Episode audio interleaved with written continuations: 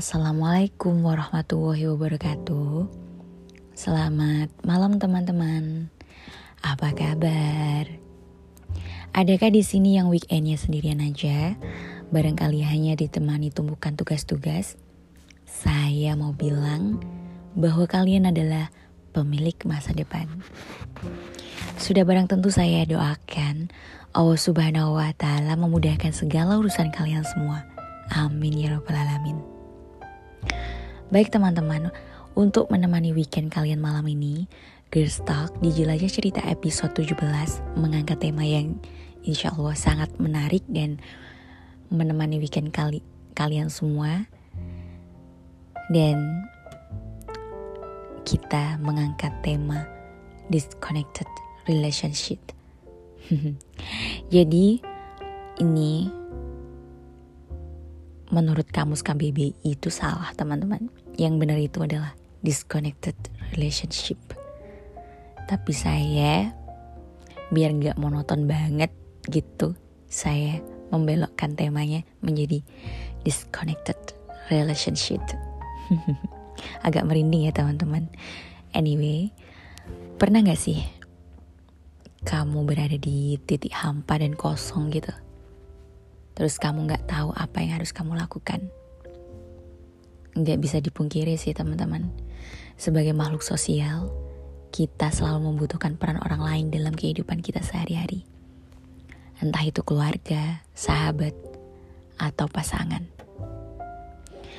Meskipun keadaan hidup ini tuh suka keterlaluan kalau lagi memberikan kejutan. Misal, ditinggal pas lagi nyaman-nyamannya oleh dia yang kamu cintai. Asik. Dari hubungan yang telah gugur tersebut, kamu bakal merasa kecewa, hampa, dan bahkan kamu hanya dalam kedukaan karena ada kebiasaan yang hilang. Yaitu memang menyakitkan sih teman-teman. Tapi jangan berlarut-larut dalam kesedihan tersebut terlalu lama. Karena dunia ini akan tetap berjalan dengan semua kejadiannya kok. Daripada kamu mengutuki nasib atau terus-terusan menyiksa diri sendiri dengan rasa nyeri di dalam hati yang kamu pikir tuh susah banget sembuhnya. Ada baiknya coba kamu pelan-pelan tanyakan pada diri kamu. Sudah enggak? Sudahkah kamu mencintai diri sendiri sebelum mencintai orang lain? Atau kamu masih berkutat fokus membahagiakan orang lain sampai lupa kalau kamu tuh sebenarnya juga butuh bahagia. Jadi, alangkah baiknya apabila kamu sebelum menebarkan cinta pada lingkungan, termasuk pasangan kamu, coba cintai diri kamu sendiri dulu. Atau jangan-jangan kamu belum tahu bagaimana cara mencintai diri sendiri. Sehingga selama ini kamu hanya fokus memberikan cinta kepada orang lain sampai membuat hati kamu hampa dan kehilangan cinta itu sendiri. Apakah kamu tidak tahu bahwa kamu itu sangat berharga dan kamu pun layak bahagia? Baik, ini ada question. Kak Nikma, apakah ada penelitian psikolog di dunia ini yang dapat membantu kawan-kawan kita yang susah move on? Kak Nikma, ada nggak rumus psikolog supaya perasaan tidak tersayat-sayat berbulan-bulan? Atau bahkan sampai bertahun-tahun nih? Baik teman-teman, jawabannya ada. Meskipun disconnected relationship itu bisa menyebabkan patah hati yang benar-benar dalam dalam hidup kita. Dan jadi begini, sebenarnya patah hati itu bisa kita kaitkan dengan pertempuran nih teman-teman.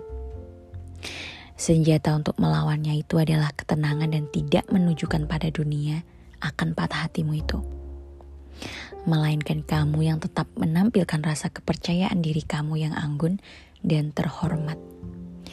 Beserta cara elegan kamu melanjutkan hidup tanpa mantan gebetan kamu itu.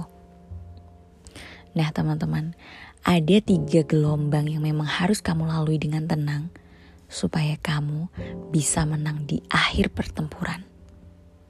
Satu, fase berusaha tetap baik-baik saja.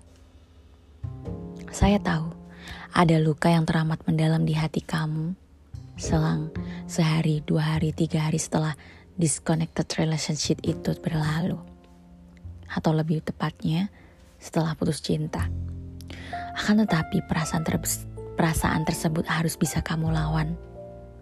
Hidup dan mati, kembali tetap tegar berdiri adalah harga mati teman-teman. Dua, fase menggila.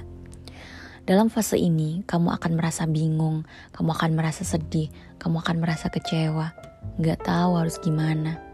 Makan gak enak, tidur gak nyenyak, mandi pun enggak. Astagfirullahaladzim. Lebay banget ya kita kalau lagi patah hati. Tapi emang semua orang pasti bakalan merasakan ini. Ada sebuah perasaan yang gak ingin kehilangan, rasa ingin tetap bersama, dan merindukan kebersamaan bareng dia. Namun apa dikata bahwa hubungan kamu dan dia memang sepenuhnya telah berakhir. Perasaan campur aduk tersebut membuat kamu seperti orang yang kehilangan dirinya sendiri, lebih tepatnya gila. Namun bertahanlah, kamu pasti bisa melewatinya. Tiga, fase kebebasan.